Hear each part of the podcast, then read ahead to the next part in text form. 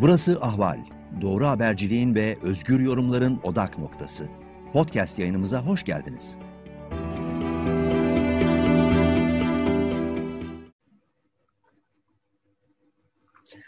Ekonomi gündemine hoş geldiniz. Geçmiş bayramı herkesin kutlu olsun. Geçmiş olsun inşallah. Eser hoş geldin. Nasılsın? Çok teşekkür ederim Güldem. Sen nasılsın? Nasıl geçti bayramın? İyi iyi. Kızımla baş başa bayram, güzel, sakin bir bayram geçirdik. Hiçbir yere gitmedik. Evimiz ve civarında kalarak o kalabalığa girmeden e, anne kız güzel saatler, güzel günler geçirdik. En güzeli. Evet, evet. En güzeli, en evet. en güzeli kızım. Güzelce böyle bir altı gün kadar koptum her şeyden. Tatilli kutluyorum. Teşekkür ederim. Ne Twitter baktım, ne haber baktım, yan gözle baktım. Mükemmel. İşte dün itibariyle döndüğüm zaman Türkiye aynı Türkiye. Özellikle e, hani ekonomik olarak veriler yoğun bir haftaya başladı. Aynı, aynı değil daha kötü. Daha kötü. Daha kötü işte ekonomik olarak yoğun bir daha haftaya başladık Türkiye'de dünyada ama hani hafta sonu ya da hafta geçtiğimiz bayram tatilinde öne çıkan birkaç şey vardı. Bir tanesi daha yakın. Dün e, işte voleybolcu e, kadın takımımız e, Çin karşısında çok güçlü bir e, zafer elde etti ve verdikleri fotoğraflar, mutluluk ve zafer fotoğrafları Türkiye'de işte belli bir radikal e, İslamcı kesimi rahatsız etti. Bu tartışmalar başladı. Çok üzücüydü gerçekten. Bir tanesi de işte bu medya paralı parasız parasal destekler beşinci kol faaliyetleri böyle bir e, Oda TV'nin başlattığı ilginç bir e, yorum üzerinden yandaş basın diyelim işte Cumhurbaşkanı etrafındaki e, işte Fahrettin Altun gibi isimler böyle bayağı bir üzerine atladılar. E, yandaş basında malzeme konusu oldu. Özellikle Medyaskop üzerinden tartışmalar yapıldı. Bunlara değinebiliriz. Bir de tabii normal e, işte hafta başında itibariyle açıklanan veriler var. Bunlardan neyle başladık? İşte kapasite kullanım oranı başladı. Temmuz'da 76'nın üzerine çıkmış durumda. Reel kesim güven endeksi düzeltilmiş seri içinde son e, 9 e, yılın zirvesinde. E, sektörel güven endekslerinde e, perakende satışlar hariç e, toparlanmalar var. Tüketici güven endeksi de yönünü biraz aşağı doğru çevirmiş durumda Temmuz ayı itibariyle. Buradaki yani bana göre büyük resimde şunu anlatıyor. İmalat sanayi kuvvetli, ihracat tarafı kuvvetli e, özellikle onun üzerinden bu beklentiler e, yüksek ama iç talep özellikle e, hane halkının geçmişteki den bugüne, bugünden yarına bakınca gelirindeki aşınma beklentisi, bozulma beklentisi de artarak devam ettiği için tüketimini mümkün olduğunca bugün yapmaya çalışıyor. Yarına ertelemiyor. E, bu da iç talebi biraz hareketlendiriyor ama tabii bunun soluğu kesilecek gibi gözüküyor. Bu hafta ne var önümüzde? Asıl önemli işte Perşembe günü açıklanacak e, yılın üçüncü enflasyon raporu var. Merkez Bankası'nın enflasyon sene sonu beklentisi %12.2'yi nereye doğru revize edeceği ya da edip etmeyeceği işte bu faiz indirim tartışmalarında e, zannediyorum belirleyici ya da e, etkili olacak gibi gözüküyor. Diğer taraftan çarşamba akşamı da Fed'in e, para politikası kurulu FOMC toplantısından çıkacak haberler önemli. Orada çünkü işte evet bir faiz değişikliği beklenmiyor ama %5 noktada çıkmış, 5 noktalara çıkmış ABD enflasyonu. Her şeye rağmen güçlü devam eden e, ikinci, üçüncü çeyrek ABD ekonomisine ait verilerle bu tahvil alım programındaki azaltmanın ne zaman başlayacağına yönelik sinyaller olur mu olmaz mı? Dünya bu hafta bunları izliyor. Onun dışında Avrupa Birliği tarafında, Avrupa'da Euro bölgesi tarafında, ABD tarafında ikinci çeyrek büyüme rakamları açıklanacak. Yani veriler gelecek gelecek. Bu hafta da bitmeyecek. Haftaya enflasyonla PMI verileriyle devam edeceğiz. Oldukça yoğun e, o açıdan e, bir gündem var hem Türkiye'de hem dünyada bunları konuşuyor olacağız. Ama istersen voleybol kadın takımına, milli kadın takımına e, dönelim. Sen neler söylemek istersin? Gördüklerin, okudukların, yazılanlar, ortaya çıkan tepkiler hakkında. Nasıl bir yere gidiyor Türkiye? Hani dedin ya başta. Valla harika bir haber. Ee, sesim geliyor değil mi? Geliyor geliyor dinliyorum. Ya fotoğraflar e, kadın takımımızın ha. gözündeki ifade, yüzdeki ifadeler çok Çin, güzeldi. Yani, çok kuvvetli bir rakip. Harika bir har, harika bir şey. Ee, o o bir kızın adını bilmiyorum takım kaptanı galiba o parmağını evet. böyle uzattığı meşhur resim var her yerde şey oldu. Evet. Olağanüstü. Çok gurur verici. Ve üstelik Çin'e, Çin'in bir, bir çeşit yani şeyden sonra milli sporu dünyada daima e, Çin'in voleybolda en önde gelen ülkesi dünyada. Hani Brezilya'nın futbolu gibi biraz. Çin'in voleybol takımları ve 3-0 Yani geçen olimpiyat Çok şampiyonu. net bir şekilde çat çat. Evet. Çok net bir şekilde. Ondan sonra e, gerçekten olağanüstü güzel bir şey. E, Çok yatırım yapıldı voleybola. Ben izledim. E, iyi yatırımlar yapıldı. Bunun, bunun da şimdi demek ki sektöre akıllı yatırımı yaparsan semeresini de alıyorsun. İktisatçı olarak da böyle baktım yani meseleye biraz. Ama tabii e, tepkiler iğrenç. Başka bir kelime bulamıyorum. Mide bulandırıcı, tiksindirici. Şimdi tiksindirici borç diye bir tartışma var ya. Esas tiksindirici olan bu yani. Mesela bugünkü Akit'in Akit'in baş şeyi şöyle başlıyor. Ee, dolanan baldır bacak fotoğrafları.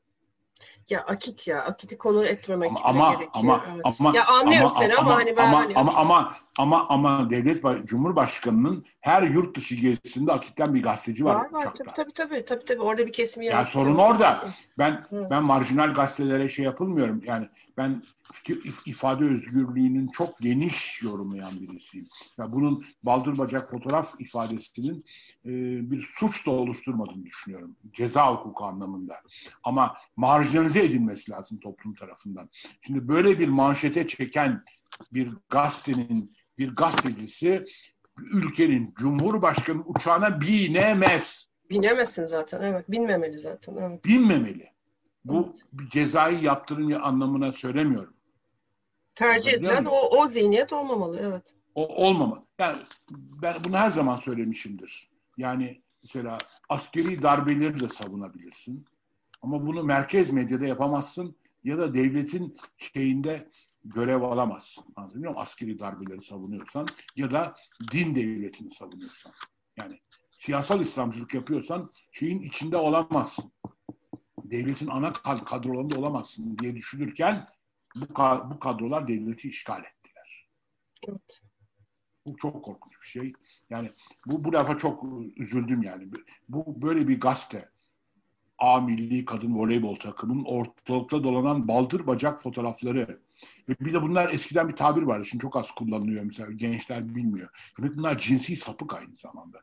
Bir voleybolcu kıza baktığın zaman sen bacak ve baldır bacak görüyorsan hakikaten sapıksın demektir. Evet. Evet. Sapıklıktır Yani orada o, o, tabii tabii yani o, o çok net. Yani pornografi görüyor o kıza baktığı zaman ya. Ya o kızlara baktığı zaman görüyor 12-13 yaşında çocuk çocuk çocuk kız Evet. çocuklara baktığı zaman görüyor. Her Bunlar yere görüyor. baktığı zaman görüyor. İşte her bunlar- oradan yasaklamaya çalışıyor. Bunlar bu- bunlar sapık sapık. sapkınlık evet sapkınlık kesinlikle. Bu normal bir şey değil bu yani. Evet bunun beslenmemesi de- gerekiyor ama işte dediğin Bunun gibi uçaklara biniyorlar en tepe tarafı. Evet. Evet, evet. Yani ben şey yapamıyorum. Ee, Mesela şimdi basın ilan kurumu var. Basın ilan kurumu Cumhuriyet Gazetesi'ne çok ağır bir ilan cezası verdi. Çok ağır bir ilan cezası verdi. Niye? Çünkü Kuzguncuk'ta Fahrettin Altun'un evinin önüne yaptırdığı şeyin fotoğrafını yayınladı diye. Bak bir üstelik yasa dışı bir şeydi o. Yani imar planında yeri olmayan bir şeydi ve sonra yıkıldı nitekim. Bunun fotoğrafını yayınladı diye Cumhuriyet Gazetesi'ne çok ağır bir ilan şeyi geldi. Şimdi A milli kadın voleybol takımının ortalıkta olan baldır bacak fotoğraflarına yüzünden Akit'e şimdiki o basın ilan kurumu denen BİK diyorlar da tövbe tövbe yani e, ondan sonra e, bir ilan yasağı gelecek mi gelmeyecek mi? Çok merak ediyorum. evet. Utansın o basın ilan kurumu. Eğer Utansın yapmazsa. tabii tabii tabii tabii. tabii. Yani, Utansın. Söyleyecek- e, susuyorum yani ekstra bir Başka şey bir şey söyleme gereği Yani görmüyorum Cumhur- çünkü. ne o Fahre, Fahre, Fahre- Fahrettin Altun e- em- emir verdi. Bu emir üzerine Fahrettin Altun aradı herhalde basın ilan kurumu değil mi? Cumhurbaşkanı, İletişim Dairesi Başkanı. Yoksa basın ilan kurumunun da tepesinde gibi görüyor kendini herhalde. Evet, O cezayı aldı Cumhuriyet Gazetesi. evet. Ama bu voleybolcu kızlara baldır bacak fotoğrafı diyen birileri var aynı zamanda basında. Bakalım buna ilan cezası gelmezse o basın ilan kurumu yani ne bilmiyorum abi ben şeyi de bozmak istemiyorum. Seni düşünüyorum daha çok istedim. Yani sen Türkiye'de. Oradan şeye geçelim. Bu medyanın dışarıdan fon almasına ne diyorsun? Bu dünya şimdi dünyada olan uygulamaları istersen söyleyelim. Kadem de alıyor. biraz. Kade, kademi niye gündeme getirmiyorlar? Ka- Kademin başkan yardımcısı çünkü şey e, Erdoğan'ın kızı. kızı. Kızı evet. Kadem almış çok kadem kadem çok yoğun şey almış. Ee, bu şekilde yurt dışından fon almış. Herhalde kendi haberleri yoktu bunu böyle konu ederken. Ya, acaba yurt dışından fon almayan bakanlık var mı? Bir bakalım. Ben biliyorum bu işleri. Evet. Ben Avrupa Birliği bölümünü kurdum Türkiye'de ilk defa. Bu ilişkileri çok iyi biliyorum. Almayan bakanlık var mı? Onu çok açık soruyorum. Türkiye'de Avrupa Birliği fonu almayan bir tek bakanlık var mı? Var mı cevabını sen ver. Bunu herkes bilemez cevabını. Var mı yok mu? Evet. Yok. Yok. Yok evet. Yok. Çünkü projeler üzerinden destekleniyor. Her bakanlığın e, uyum sağladığı bu da, bu da çok iyi bir şey. Bu da çok da, iyi bir şey. Bu da zaten proje ilerleme yapıyorsun. süreci bunun proje yapmak kurulu. demek. Tabii. Tabii tabii tabii ben asla eleştirmiyorum bakanlıkların Avrupa Birliği. Bu Avrupa Birliği dediğin şey zaten e, senin üye olmak istediğin hukuken bir kurum. Oradan da sen bir proje geliştirirsen ona destek veriyor. Evet. Yani Avrupa Birliği perspektifine uyumlu. Dolayısıyla Avrupa Birliği bu hani chapter'lar vardı, başlıklar, konu altları bunlar bütün Tabii aslında on, onunla ilgili. ekonomik sosyolojik değişimi kapsıyor. Dolayısıyla toplumun her alanında ekonomisi de var, sosyolojisi de var. Burada değişim, burada bir takım standartların getirilmesi için e, Türkiye gibi ülkelerin kendi cebinden harcayacağı eğer kaynağı sıkıntılıysa, sıkıntılıysa bu zaten Avrupa Birliği fonluyor. Gel işte biz bu yola ortak girdik diye. Tabii, Bunun tabii, mantığı tabii. bu. Medyada tabii, buna tabii. dahil aynı zamanda ve bağımsızlık burada desteklenmekte. Tabii. Evet. Üstelik ifade özgürlüğünü desteklemiş oluyor böylece. Çünkü Türkiye'de peki şeyi ne yapacağız? Yani çok sinirliyim biraz beni bağışla. Sert ağzından sert bir söz çıkarsa. E peki hepimiz bir kamu bankası ahlaksız bir biçimde Erdoğan'ın şey Erdoğan diyorum Demirören Demirören. medyasını Erdoğan evet. Tabii. Eski adı. Demirören medyasını fonladı. 750 milyon dolar verdi. O para geri gelmeyecek. Evet. Kamuya geri dönmeyecek o para. Yapacaksın bu ahlaksız fona. Tabii tabii ya bunlar işte herhalde iktidar değiştiği zaman artık iyice konu olacak. Çünkü yani kimse nasıl, konuşmuyor, yazmıyor kimse bunu. konuşmuyor. O, ha yazıyor, yazılıyor, yazılmıyor değil. Ar arayan o da o da düşüyor. O da düşüyor. Ruslar, Ruslar Hanım'ı Ticaret Bakanı'nı yazan kaldı mı?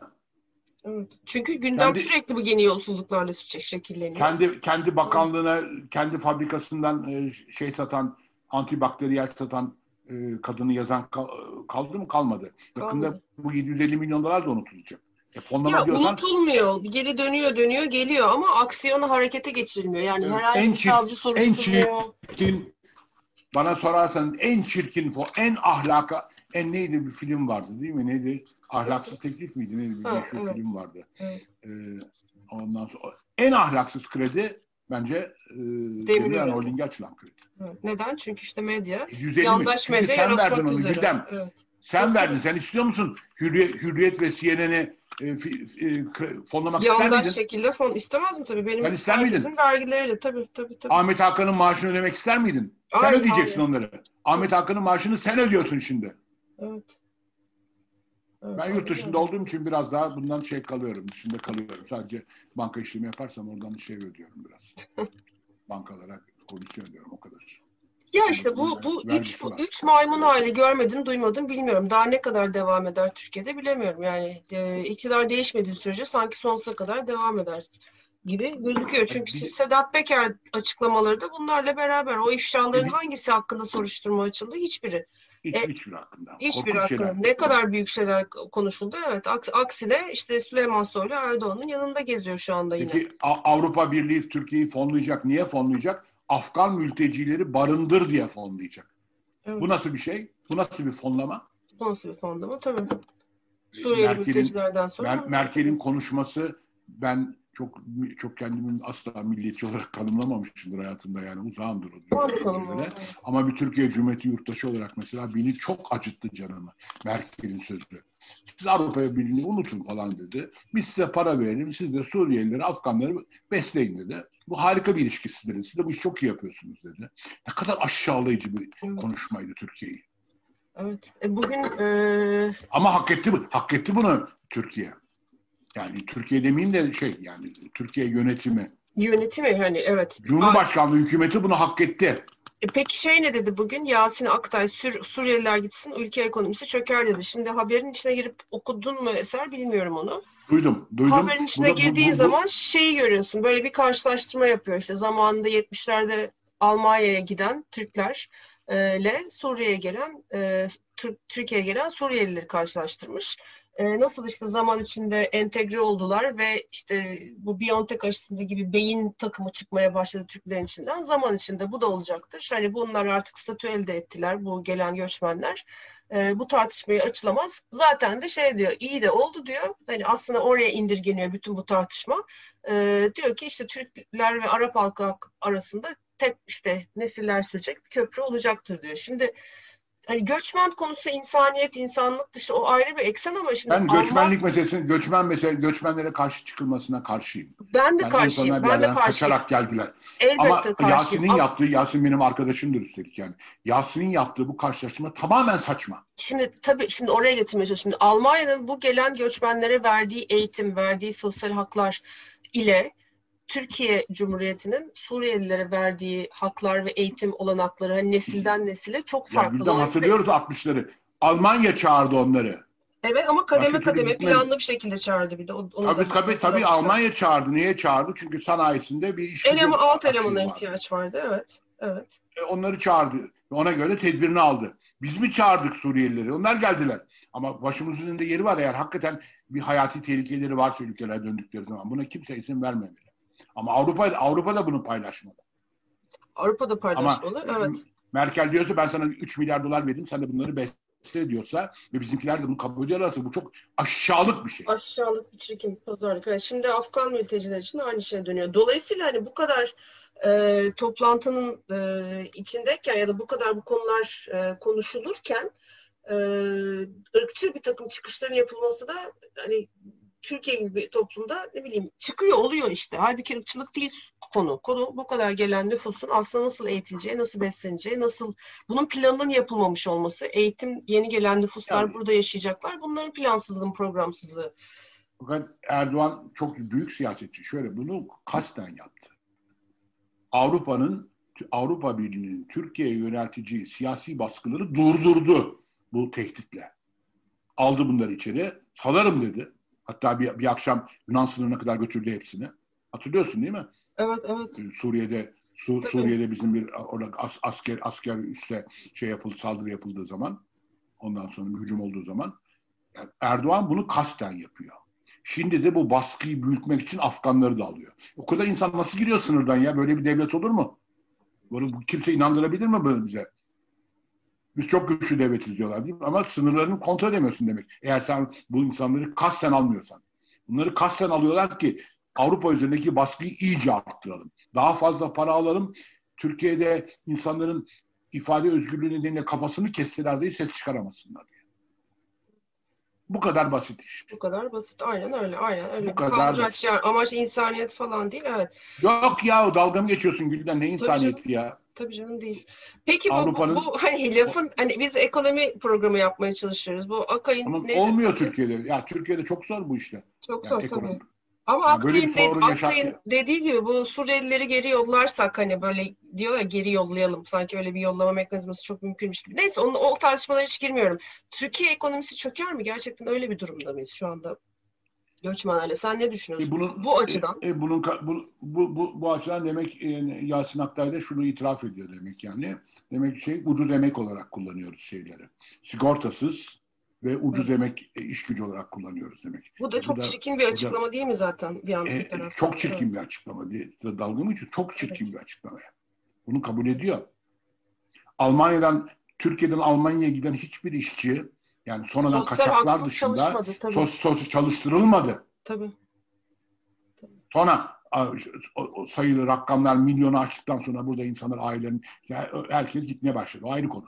Ama Almanya'nın davet ederek getirdiği insanların arasında hiç kimse orada sosyal haklardan mahrum çalıştırılmadı önceleri. Herkesin sosyal güvenlik hakkı vardı. Herkesin yasal ekonomi içinde çalıştırıldı. Dolayısıyla bu çok yanlış bir şey yani. Evet, böyle çocuk işçilik yani falan yoktu yani burada olduğu gibi ölümüne. Ya, evet. Tabii ya olur mu? Olur mu? Ya da sokaklarda Suriyeli yani, ya da orada Türk dilenciler evet yoktu öyle izin verilmedi. Evet. Tabii, yani o yüzden yani, Almanya'da karşılaştığımız falan çok çok yanlış böyle hani ben, eksik bilgiyle Ben bir de başka bir şey düşün. Başka bir şey düşünüyorum. kötü niyetli evet. Ne Madem at pazarlığı yapıyoruz Avrupa'yla yani sen bize daha çok para ver biz daha çok bakalım bunlara. İyice getirelim Afganları. Hiç asla göndermeyelim. Deniz, deniz yüzü görmesinler ki kaçamasınlar Yunanistan'a doğru diye. Daha çok parayı. Madem böyle bir şantaj yapıyoruz Avrupa'ya, biz niye bu şantajı iki kuruş para için yapıyoruz da mesela şunu de, niye demiyoruz Avrupa Birliği'ne? Ben bunları tutarım ama sen de müzakereleri aç bana. Aç bana evet. Niye bu madem illaki şantaj yapacaksın, niye bu konuda yapmıyorsun şantajını? Kıbrıs'ta Avrupa'yı... tabii gelişme yani bu gelişmezlik ya da bu nasıl diyeyim bu statüko bu uyuşmazlık iş, işe yarıyor biliyorsun. Yine evet, Sedat yani. Peker diyeceğim. Hani neler döndüğü iyice artık herkesin bilgisi dahilinde. Kara paranın nasıl aklandığı oralarda bilgisi dahilinde. İster mi orası kurallara uysun? Avrupa Birliği içinde yer alsın, müzakerelere başlatılsın. Tabii canım yani. Böyle bir şey yani evet. Yani. Özellikle bu kadar politize yine edilmişken Kuzey Kıbrıs. Son e, bir, bir buçuk yani sene son seçimlerde. Mesela şeyden, şey, şeyden bahsettin sen dün. Ee, biraz Hı. önce dün diyorum biraz önce şeyden bahsettim. Ee, mesela bu fonlama meselesinde getirilen evet. eleştirilere. Şimdi tamam mesela medyaskopla ilgili eleştiriler getirildi. Neyse bu ayrı bir tartışma. Ama bir anayasal kurum var Türkiye'de RÜTÜK diye. Başında da Ebu Bekir Şahin diye bir adamcağız var. Adamcağız. Adamcağız evet. diyorum. Adamcağız diyorum. Başka bir şey söyleyemiyorum. Başka bir şey söylemek içimden geçiyor da söylemiyorum. Ee, mesela yerli ve milli basın dedi. Ya sen bir anayasal kurumun başındasın. Sen kim oluyorsun da bir bir bölüm basını yerli ve milli, diğerlerinde gayri yerli ve gayri milli ilan edebiliyorsun. Şaşkın. Sen kim oluyorsun ya? Çok şaşkın, çok kibar oldu. Evet, çok haklısın. Daha başka bir şey söyleyemiyorum. Gülden ne diyeyim açından ne Biliyorum, biliyorum. Teşekkür ederim. Ee, söyleyemiyorum. Yani böyle bir şey olabilir mi? Sahipsiz, yerli ve milli basın sahipsiz değildir dedi. Sen kim oluyorsun da belirli bir basını dolayısıyla yani mefhumu muhalifinden Latincesi a contrario gayri yerli ve gayri milli ilan ediyorsun. Yani böyle bir şey nasıl oluyor? Ay Güldem söyle valla. Yani biraz, biraz sen konuş ben bu, bu, Yok işte demokrasi gittiği zaman ya da demokrasi kırıntıları olan demokrasi kırıntıları gittiği zaman işte bu şekilde gelen e, partinin uzun süredir yöneten parti devlet haline dönüşüyor. İşte devletin partileşmesi de sonuçları bunlar oluyor. Böyle bir çarpık yani devam ediyor. Camı Muazzam bir dolu yağıyor. Cama çıkan odaya giriyor çünkü. Sen devam et ben 10 saniye sonra geliyorum. Tamam Sen tamam. Ya, yani benim de anlatmaya çalıştım. Ve bunun sesi geldi bu arada gerçekten. Sel olmuyordur inşallah. Her tarafta Avrupa'da sel var. Ya bir taraftan işte bakıyorsunuz bu sadece Rütük'te böyle değil. Ee, bankaların yönetiminde bile inşaat sektörü için işte iç tarafta işte böyle bir milli görev olarak veriliyor ya kredi vermek işte bu krizden çıkmak, her girdiğimiz krizden çıkmak bankaların sorumluluğudur. Onlar da sadece kar etmesin gibi bir yaklaşımla kurumlar aşındırılıyor. Onun üzerine özel sektör aşındırılmaya başlanıyor. İşte sonucunda geldiğimiz noktada zaten e, bildiğimiz üzere ekonomik döngü içinde işte krizlerden, devalüasyonlardan, yüksek enflasyona çıkamadığımız bir sürece girmiş oluyoruz. Çünkü kurumlar yerinde yok. Aynı şekilde işte bu Merkez Bankası'nın bu hafta açıklayacağı enflasyon raporu da böyle. Biz uzun süredir e, ne, ne anlatıyor bize Merkez Bankası? Ne diyor? İşte Nisan'da açıklanan, evet. geldi evet. duyuyorum. Nisan'da açıklanan evet. enflasyon politikasına uygun bir şekilde biz faiz politikamızı yöneteceğiz. Şimdi eğer nasıl rütük işte kurumlar aşındığı ise işte Cumhurbaşkanlığı sistemi üzerinden Merkez Bankası'nda aşınması yine oraya getirdim. Ekonomiye getirmeye çalışıyorum lafı. Ee, aynı şekilde enflasyon hedefini eğer ya da beklentisini gerçekçi koymazsan işte kamuda işçilere, memurlara yapılan zamlar da gerçekçi olmuyor. İnsanların emekleri ya da gelir e, düzeyleri aşındırılmış oluyor.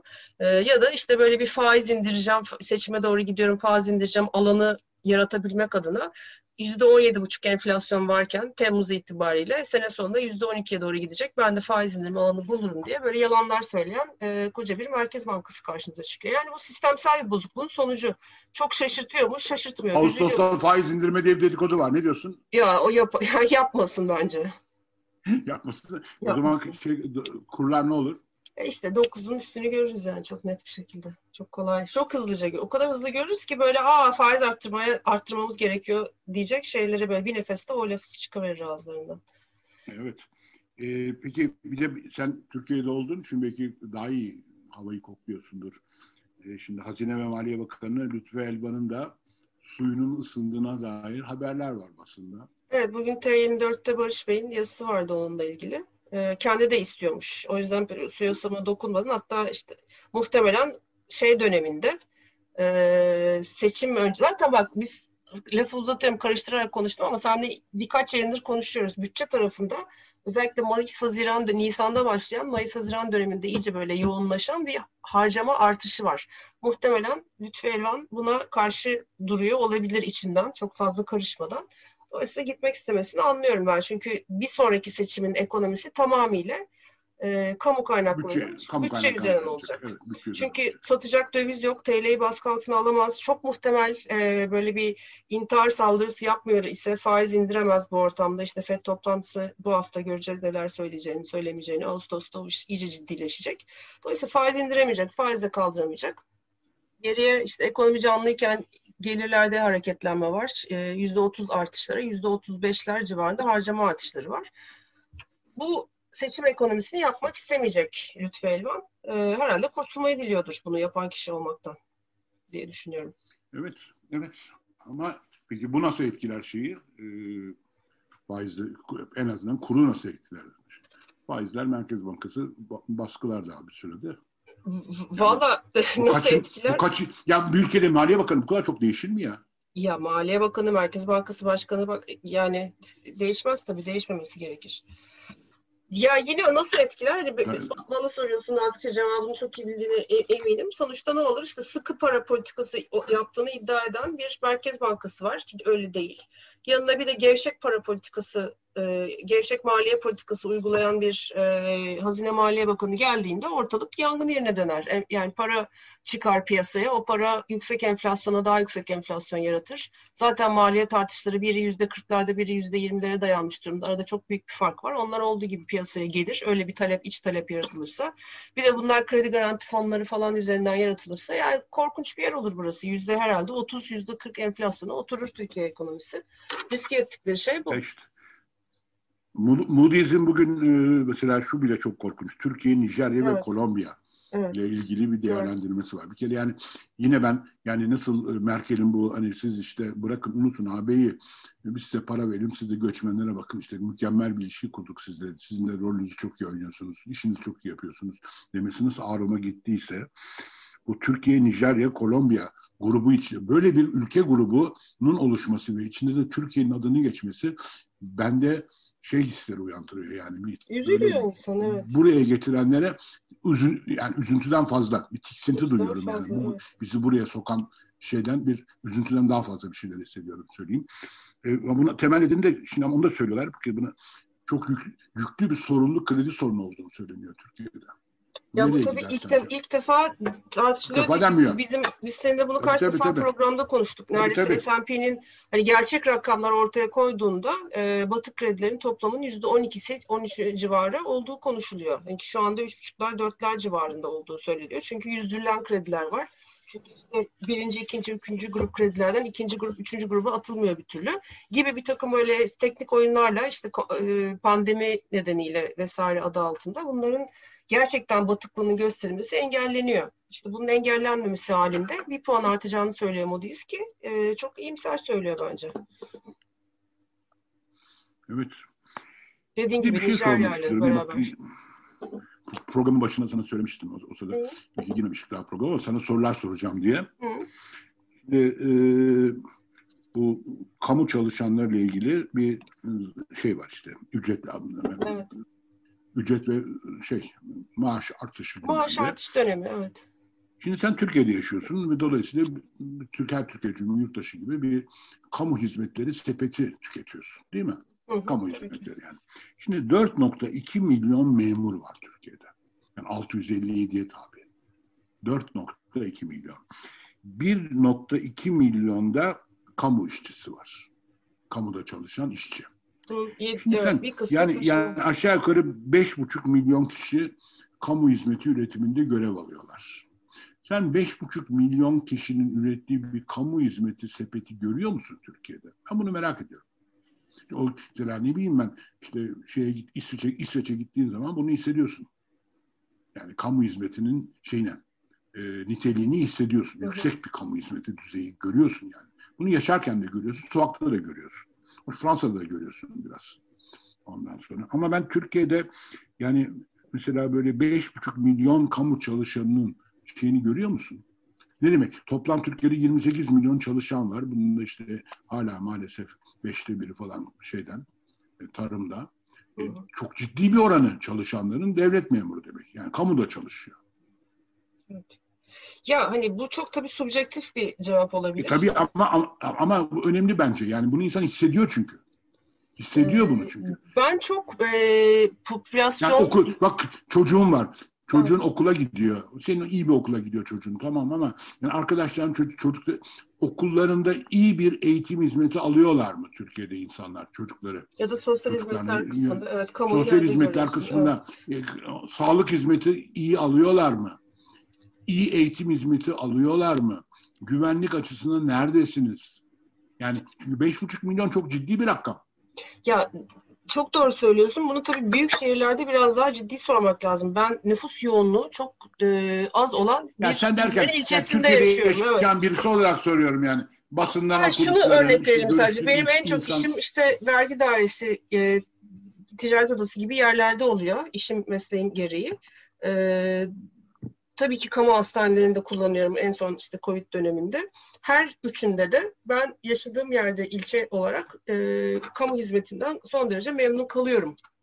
Ama ne zaman şehir merkezine doğru yönelsem e, aynı kaliteyi orada bulamıyorum. Nüfus yoğunluğu arttıkça e, o hizmet kalitesinin düştüğünü gö- görüyorsun. E, hani bu da düşünülmesi gereken o zaman. Neden böyle planlanıyor? Yargı, evet. ya, ya, çok ya, önemli yar, bir kabul. Yargı, tabii çok çok önemli çok bir konu. Doğru söylüyorsun. En önemli. Yargı, yargıda da çok tecrübem oluyor son bir buçuk senedir. Ee, orada da hani müthiş bir yoğunluk, müthiş bir şey aksama var. Çünkü işte bir duruşma ötelendiği zaman en az altı aydan önce bir dava günü alamıyorsun, duruşma günü alamıyorsun. Dolayısıyla orada bir sıkıntı yani ben şey şey değilim. Yani kamu hizmi ben öyle klasik bir liberalizm şey yanlısı değilim yani. Çok düşürelim minimal devlet öyle bir şey istemiyorum mesela. Çok güçlü bir yargı olsun istiyorum. Çok nitelikli çalışan bir yargı Elbette kim istemez ki evet. Ha, ama yani mesela Türkiye'den gözlemlediğim kadarıyla dışarıdan yargı dökülüyor. Ya yargının dökülmesinin başka sebepleri var ama hani bu sadece kamu çalışanların etkin ama, kullanılmaması ötesinde yargının dökülmesi isteniyor zaten. Hani plan planlar programlar ama ama ama siyasi olmayan konulara da dökülüyor. Yani siyasi olmayan konulara da dökülüyor. Dökülüyor. Yani ne bileyim evet yani sadece şeyde değil yani. Yani bu İstanbul'da CNR vardı. CNR. Evet. CNR e, iflas, iflas ediyor. Çok komik bir gerekçeli. Mesela bir yargı böyle bir karar alabiliyor. Yani Ceyda Hanım vardı. Ceyda Erem. E, onun işte başında olduğu bu CNR.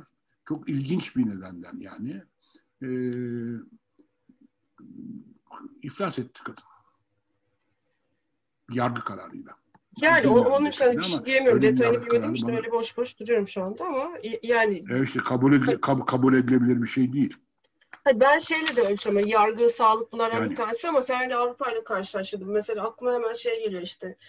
E, kimsesiz çocuklara verilen bakım hizmeti, eğitim hizmeti, işte engelli vatandaşlara kamunun verici, verebileceği hizmetler, mesela, eğitim hizmetleri e, gibi konularda hani bu kadar yüksek bir e, kamu personeli karşısında aldığımız hizmetin çeşitliliği ve kalitesi elbette düşük. Yani elbette düşük. Bugün işte otizmli çocuklar hala kamu tarafından destekli okullara bulamıyorlar ayrı. Hani bu bir de bir tanesi ya da birçok engelli çocuk da, evde evde tıkılık yaşıyor.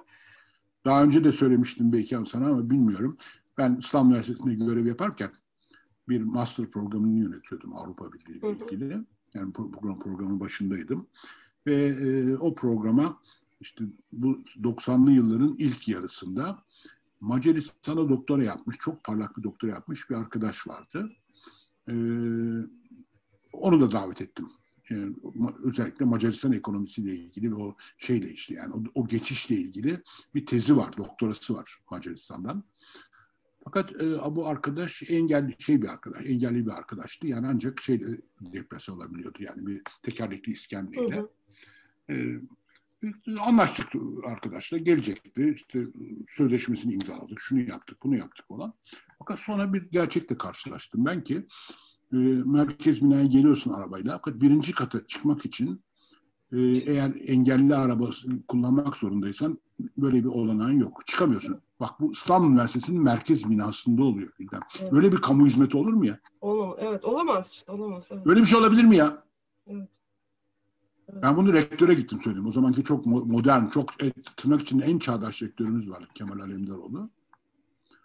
Orada 4-5 basamak var. Ya şunun yarısını hemen şey yaptırın dedim ya. Bunun bir yani şeye yönelik bir şey çok zor bir iş değil dedim. Ya orayı da o zaman sen kucağına al çıkar dedi bana biliyor musun? çok güzel. Düşünebiliyor musun rezalet? Düşünmek bile istemiyorum gerçekten. Ben bunu, bunu bir doktor söylüyor, bir tıp doktoru. Evet. Yani hani o zaman çocuk, çocuk reddetti ama ben çok rica ettim. Ne yaptık? Öğrenciler evine gittiler çocuğun. Yani şöyle yapıldı. Şimdi olsa Zoom üstünde hallediverirsiniz. Ha şimdi öyle o, Ama işte onun o şekilde şey... halledilmemesi ya da evine gitmemesi gerekiyor. Gerçekten onun bir hakkı var yani buraya gelip. Ya birinci bir... kata çıkamıyor çocuk ya. Engelli asansörü Merkez binadan bahsediyoruz. Bir küçücük mekanizmadan bahsediyoruz. Beyazıt, Beyazıt İstanbul Üniversitesi merkez binadan bahsediyoruz. Dolayısıyla sorunun başına dönersek evet hani çok kalabalık var. Bilinen hizmetler var. Hizmet çeşitliliği yok yani işte. E bugün e, TÜİK e, şeyleri yayınlarken e, merkezi bütçeden yapılan araştırma geliştirme harcamaları şey yapmış. Mesela merkezi bütçeden yapılan e, araştırma geliştirme harcamalarının gayri safi yurt içi hasıla içindeki payı 0.28 merkezi bütçeden. Çok güzel. Yani buna üniversiteler dahil üstelik. Evet, sıfır yani evet. Çok büyük, sıfır demek bu evet. Evet. Ama işte diğer tüm payı ne, ne özel, kadar mesela? özel sektör, işte, özel sektör de pek bir şey yapmıyor. Yani arge, arge harcaması olmayan bir devlet ve ülke. Evet, nereye gitmesini bekliyorsun. Yani işte sanayi evet, devrimi ne neydi? Evet. Dördüncü, dördüncü sanayi, beşinci sanayi, robotik evet. çağa geçiyoruz. Evet. E, nasıl Ama beşinci, beşinci kol tehlikesi var. Beşinci kol Herkes, tehlikesi var. Evet. Beşinci kol tehlikesi var. Dolayısıyla eleştirileriniz şey hep ölçülü tutacağız. Evet. Eser süremizi doldurduk bu arada. Peki, çok teşekkür ediyorum Gülden. Ben teşekkür ediyorum. Ama bu voleybolcu meselesi sonrası sinirlerim ayakta yani. Öyle, yani öyle. Akit'in şeyini gördükten sonra ne derler? Ay. Ya yani bi, bi, bizim gibi insanların içinde bizim gibi derken evet ya bizim gibi rahat rahat söyleyeceğim. Hani kadın erkek şey fark etmiyor. Ben ne kadar sinirleniyorsam senin de o kadar sinirlendiğini biliyorum. Ama hani bir kadın e, kalabalık grubu var ki gerçekten çok sinirleniyor. Çok sinirli, çok artık taşmış durumda. E, hep söylüyorum daha önce de söyledim sana. Yine bu programda konu oldu. Kadın hareketi çok organize, çok düzgün Türkiye'de, çok güçlü. E, bence korkmaları gerekiyor kadınlara. Evet inşallah. Yaklaşımlardan. Gerçekten İnşallah. Öyle. İnşallah. İnşallah. Çok, çok teşekkür, teşekkür ediyorum. Teşekkür ediyorum. Herkese haftaya veriler üzerinden daha böyle çok, e, bir sürü şey açıklanmış diliyorum. olacak. Onları konuşuyor olacağız. Evet, hafta yeniden evet. görüşmek dileğiyle. Görüşmek üzere. İyi haftalar. İyi haftalar. Çok teşekkürler.